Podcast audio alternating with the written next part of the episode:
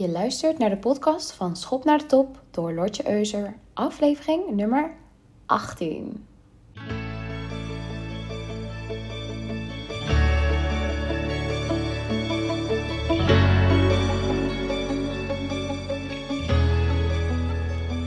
Goedemorgen allemaal, welkom bij een nieuwe podcast van Schop naar de Top. Ik ben Lortje Euser en vandaag ga ik het hebben over een geweldig onderwerp, namelijk de beste worden in je branche. En dat is eigenlijk ook mijn missie als business coach. Ik help namelijk ZZP'ers om zichtbaar de beste te worden in hun branche. En nu vraag je je misschien af, hoe kom ik hierop en waarom de beste? Dus dat zal ik je eerst even uitleggen. Nou, ik heb deze missie gekozen omdat ik het belangrijk vind dat er veel meer female leading examples komen. Dus voorbeelden van leidende vrouwen in allerlei functies. Dus niet alleen op het gebied van ondernemerschap, maar ook gewoon in managementrollen, in directierollen, etc. En waarom vind ik dit nou belangrijk? Nou, ik vind het belangrijk omdat zij, die vrouwen die hoger opgroeien en de beste worden in hun vakgebied, andere vrouwen ook weer kunnen inspireren door te laten zien wat mogelijk is. Dus als jouw collega bijvoorbeeld kan doorstromen tot manager of een vriendin van je succesvol ondernemer kan worden met ja, 300k jaren, ja, dan inspireert dat jou misschien ook. Dan zie jij ook wat er mogelijk is en kun je voor jezelf besluiten dat jij dit ook wilt mogelijk maken. Zien is geloven, zeggen ze, maar je moet het eigenlijk eerst soms ook geloven om het te zien. Maar daar ga ik later iets meer over vertellen. Nou, persoonlijk hou ik ook niet zo van gemiddeldes. Ik hou gewoon graag van het beste. Uh, de dingen die ik koop, maar ook dingen die ik doe, die ik uitkies en dergelijke. En ik wilde zelf ook altijd de beste salesmarketeer worden toen ik nog in loondienst zat. Ik wilde de beste verkoper worden toen ik bij een bank werkte. Dus dat, ja, dat midden in het maaiveld blijven steken, dat is gewoon persoonlijk niks voor mij. Ik steek graag mijn kop erbovenuit, omdat het me een kick geeft om te kijken wat er voor mij mogelijk is. Eigenlijk is het een soort van ja, diepe drive die in mij zit. Ik wil gewoon weten wat voor mij mogelijk is om te behalen. Wat kan ik allemaal uit mezelf halen? Wat is de limiet? Hoe kan ik mezelf nog blijven verrassen? En ja, wat voor potentie zit er in mij die ik nu nog niet benut? En misschien als je deze podcast nu luistert, herken je je in dat nieuwsgierige gevoel dat je wil uitvinden wat je allemaal mogelijk kunt maken. Nou, dan is het goed dat je deze aflevering meeluistert, want uh, als jij topondernemer in SP bent, dan is deze aflevering speciaal voor jou. Nou, misschien moeten we eerst even definiëren wat de beste zijn inhoudt. Want eigenlijk heeft de beste zijn weinig met de realiteit te maken, maar alles met perceptie. Je bent namelijk pas de beste als anderen je zien als de beste. Dus jou die erkenning geven. Volgens mij zet, uh, zij zet Rogan dit ook in zijn uh, boek. Uh, dat je pas de beste bent als andere mensen het over jou zeggen. Want je kunt het wel zelf hard roepen, maar ja, dat maakt je nog niet de beste. Al heb ik daar wel een grappig voorbeeld over uit Million Dollar Listing New York. Ken je dat programma? Uh, het is een, uh, een, serie over makelaars in New York. Ze hebben ook een uh, serie in, ja, een soort van spin-off in Los Angeles ervan. En nou, een van de makelaars die in die serie meedoet, momenteel hebben ze volgens mij negen seizoenen, is Ryan Serhant. En die, wilde, die is eigenlijk al vanaf seizoen 1 in deze serie. En um, toen deze serie begon, volgens mij was het in 2011 of iets dergelijks. Ja, het zou goed 2011 kunnen zijn. Toen wilde hij heel graag meedoen aan de serie. Maar ja, weet je, hij was eigenlijk nog helemaal geen succesvolle makelaar. Hij haalde wat. Uh, nou, volgens mij deed hij vooral huurwoningen of zo op dat moment.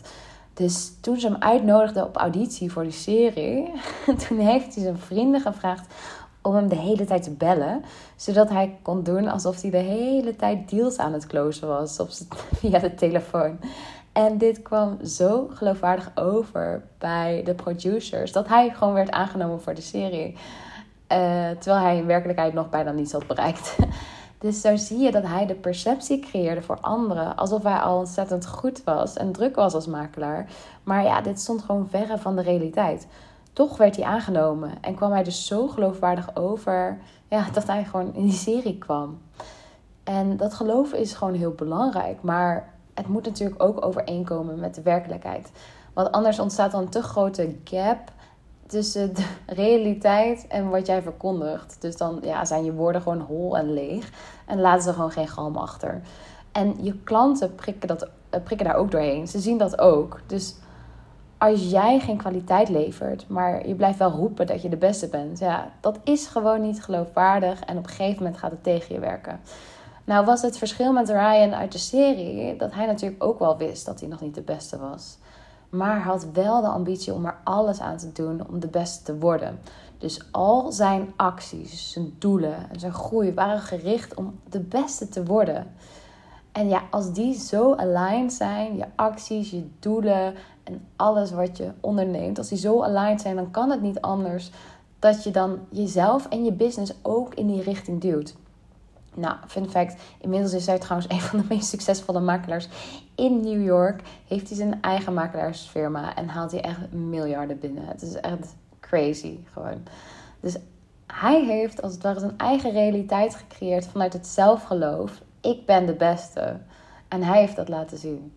Maar even terug naar de beste worden, want daar gaat deze serie over. Kijk, ik geloof dat de beste worden of de beste zijn of de beste blijven echt drie verschillende dingen zijn. Want als je de beste wil worden, zet je in op transformatie. Dus je gaat iets creëren wat er nog niet is. En daar stond Ryan Surhand eigenlijk in dit verhaal van uh, Million Dollar Listing. Hij was er nog niet, maar hij wil het wel worden. Dus hij gaat dingen radicaal anders aanpakken. En dat geldt ook voor jou. Dus als jij er nog niet bent en je wilt wel de beste worden, dan moet je dingen radicaal anders gaan aanpakken. Want ja, laten we eerlijk zijn, als je dit al had gedaan, als je dingen al anders had gedaan, dan was je er misschien al lang de beste geweest. Dus het heeft te maken met transformatie. Niet verandering. Verandering is echt iets anders. Verandering is veel kleiner en omvat te weinig. Want verandering is meer iets van wat je al doet, dat veranderen. Maar ik heb het over echte transformatie. Dus vanuit iets vanuit niets creëren. Uh, maar goed, hoe werkt het dan met de beste zijn? Wat is dat dan? Ja, de beste zijn, dan moet je je eigenlijk gedragen alsof je het al hebt bereikt. Dat is ook zo als je de beste wil worden. Dan moet je ook al acties gaan ondernemen alsof je al de beste bent. Maar de beste zijn heeft meer te maken aan te laten zien dat jij ook echt de beste bent. En daar hoort erkenning bij. Dus de beste zijn is een state of mind. En die wordt bevestigd doordat andere mensen je de erkenning geven dat je ook de beste bent. Uh, dat is dus anders dan met de beste worden. Dan is die erkenning eigenlijk niet uh, relevant. Uh, maar dat is wel bij de beste zijn. Zonder die erkenning ben je niet de beste. Zonder die erkenning ben je eigenlijk gewoon niets. Dus daarom is het zo belangrijk dat je deelt over wat je hebt bereikt, je resultaten, je social proof laat zien. Uh, dat is dat stukje zichtbaarheid waar ik ook ondernemers mee help en waar ik bij mijn klanten ontzettend op hamer. Laat zien wat je hebt bereikt, zodat je die erkenning ook krijgt dat je daadwerkelijk de beste bent. Nou, dan blijft er nog één over en dat is de beste blijven. Maar ja, dat is, dat is eigenlijk een van de lastigste dingen. Dat als je eenmaal de beste bent, om dan ook de beste te blijven. Want je moet jezelf blijvend veranderen in de koploper. Uh, je concurrentie zit natuurlijk ook niet stil. Jouw concurrentie die neemt ook stappen. En ik denk dat de beste blijven de grootste uitdaging is. En aangezien het ja allemaal relatief en perceptie is, je misschien minder voldoening zult halen uit de beste willen blijven. Je ziet ook bij veel tennissers dat als ze eenmaal een Grand Slam hebben gewonnen, ze heel veel druk voelen om de volgende ook weer te winnen.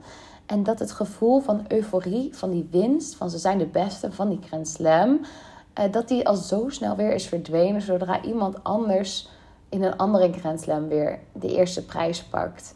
En dat is zo zonde, want dan leef je van prijs naar prijs en dan vergeet je te genieten. Er komt al zoveel nadruk te liggen ook van oké, wat is de volgende? De volgende moet ik ook blijven winnen, want anders blijf ik niet de beste. En ik denk dat dat op zich geen gezond doel is wat voldoening geeft, maar je heel veel druk oplevert.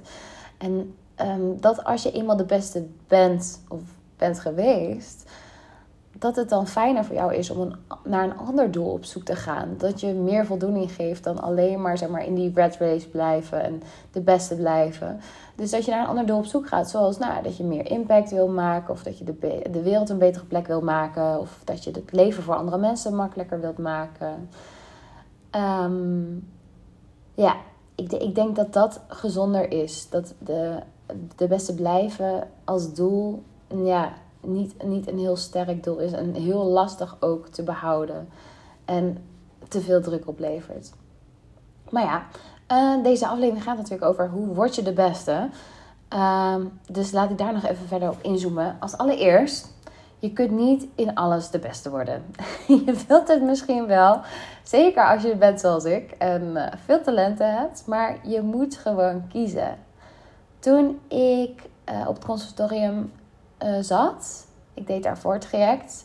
Ik uh, nam daar piano en vioollessen op mijn vijftiende, omdat ik toen niet kon kiezen. Dus toen ben ik beide gaan doen.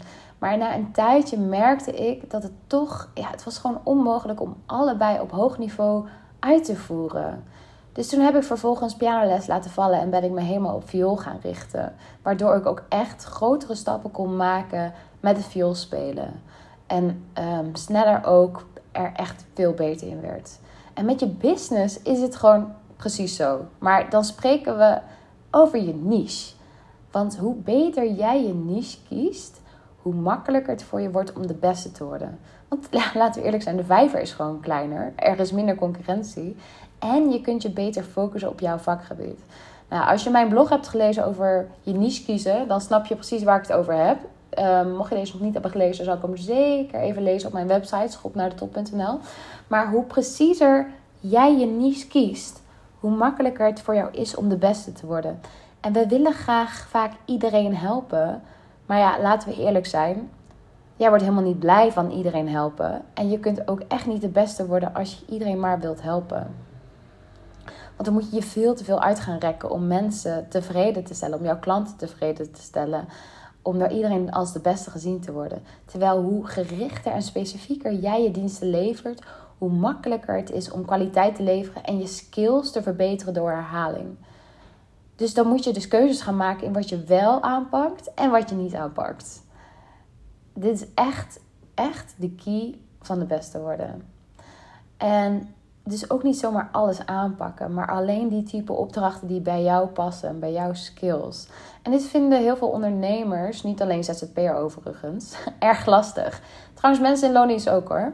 Die pakken vaak ook veel te veel aan. Veel dingen die helemaal niet bij hun in hun straatje passen. Uh, terwijl ze gewoon, ja, weet je, ze hebben daar zo'n Nederlands, oud-Nederlands uh, gezegde voor. Schoenmaker, blijf bij je leest. Ja, en dat is precies waar dit over gaat. Uh, maar ja, veel ondernemers vinden dit moeilijk. Niet alleen ZZP'ers, uh, maar ook grotere bedrijven. Omdat ze het gevoel hebben dat ze kansen mislopen en omzet mislopen. Als ze niet elke binnenkomende opdracht aanpakken.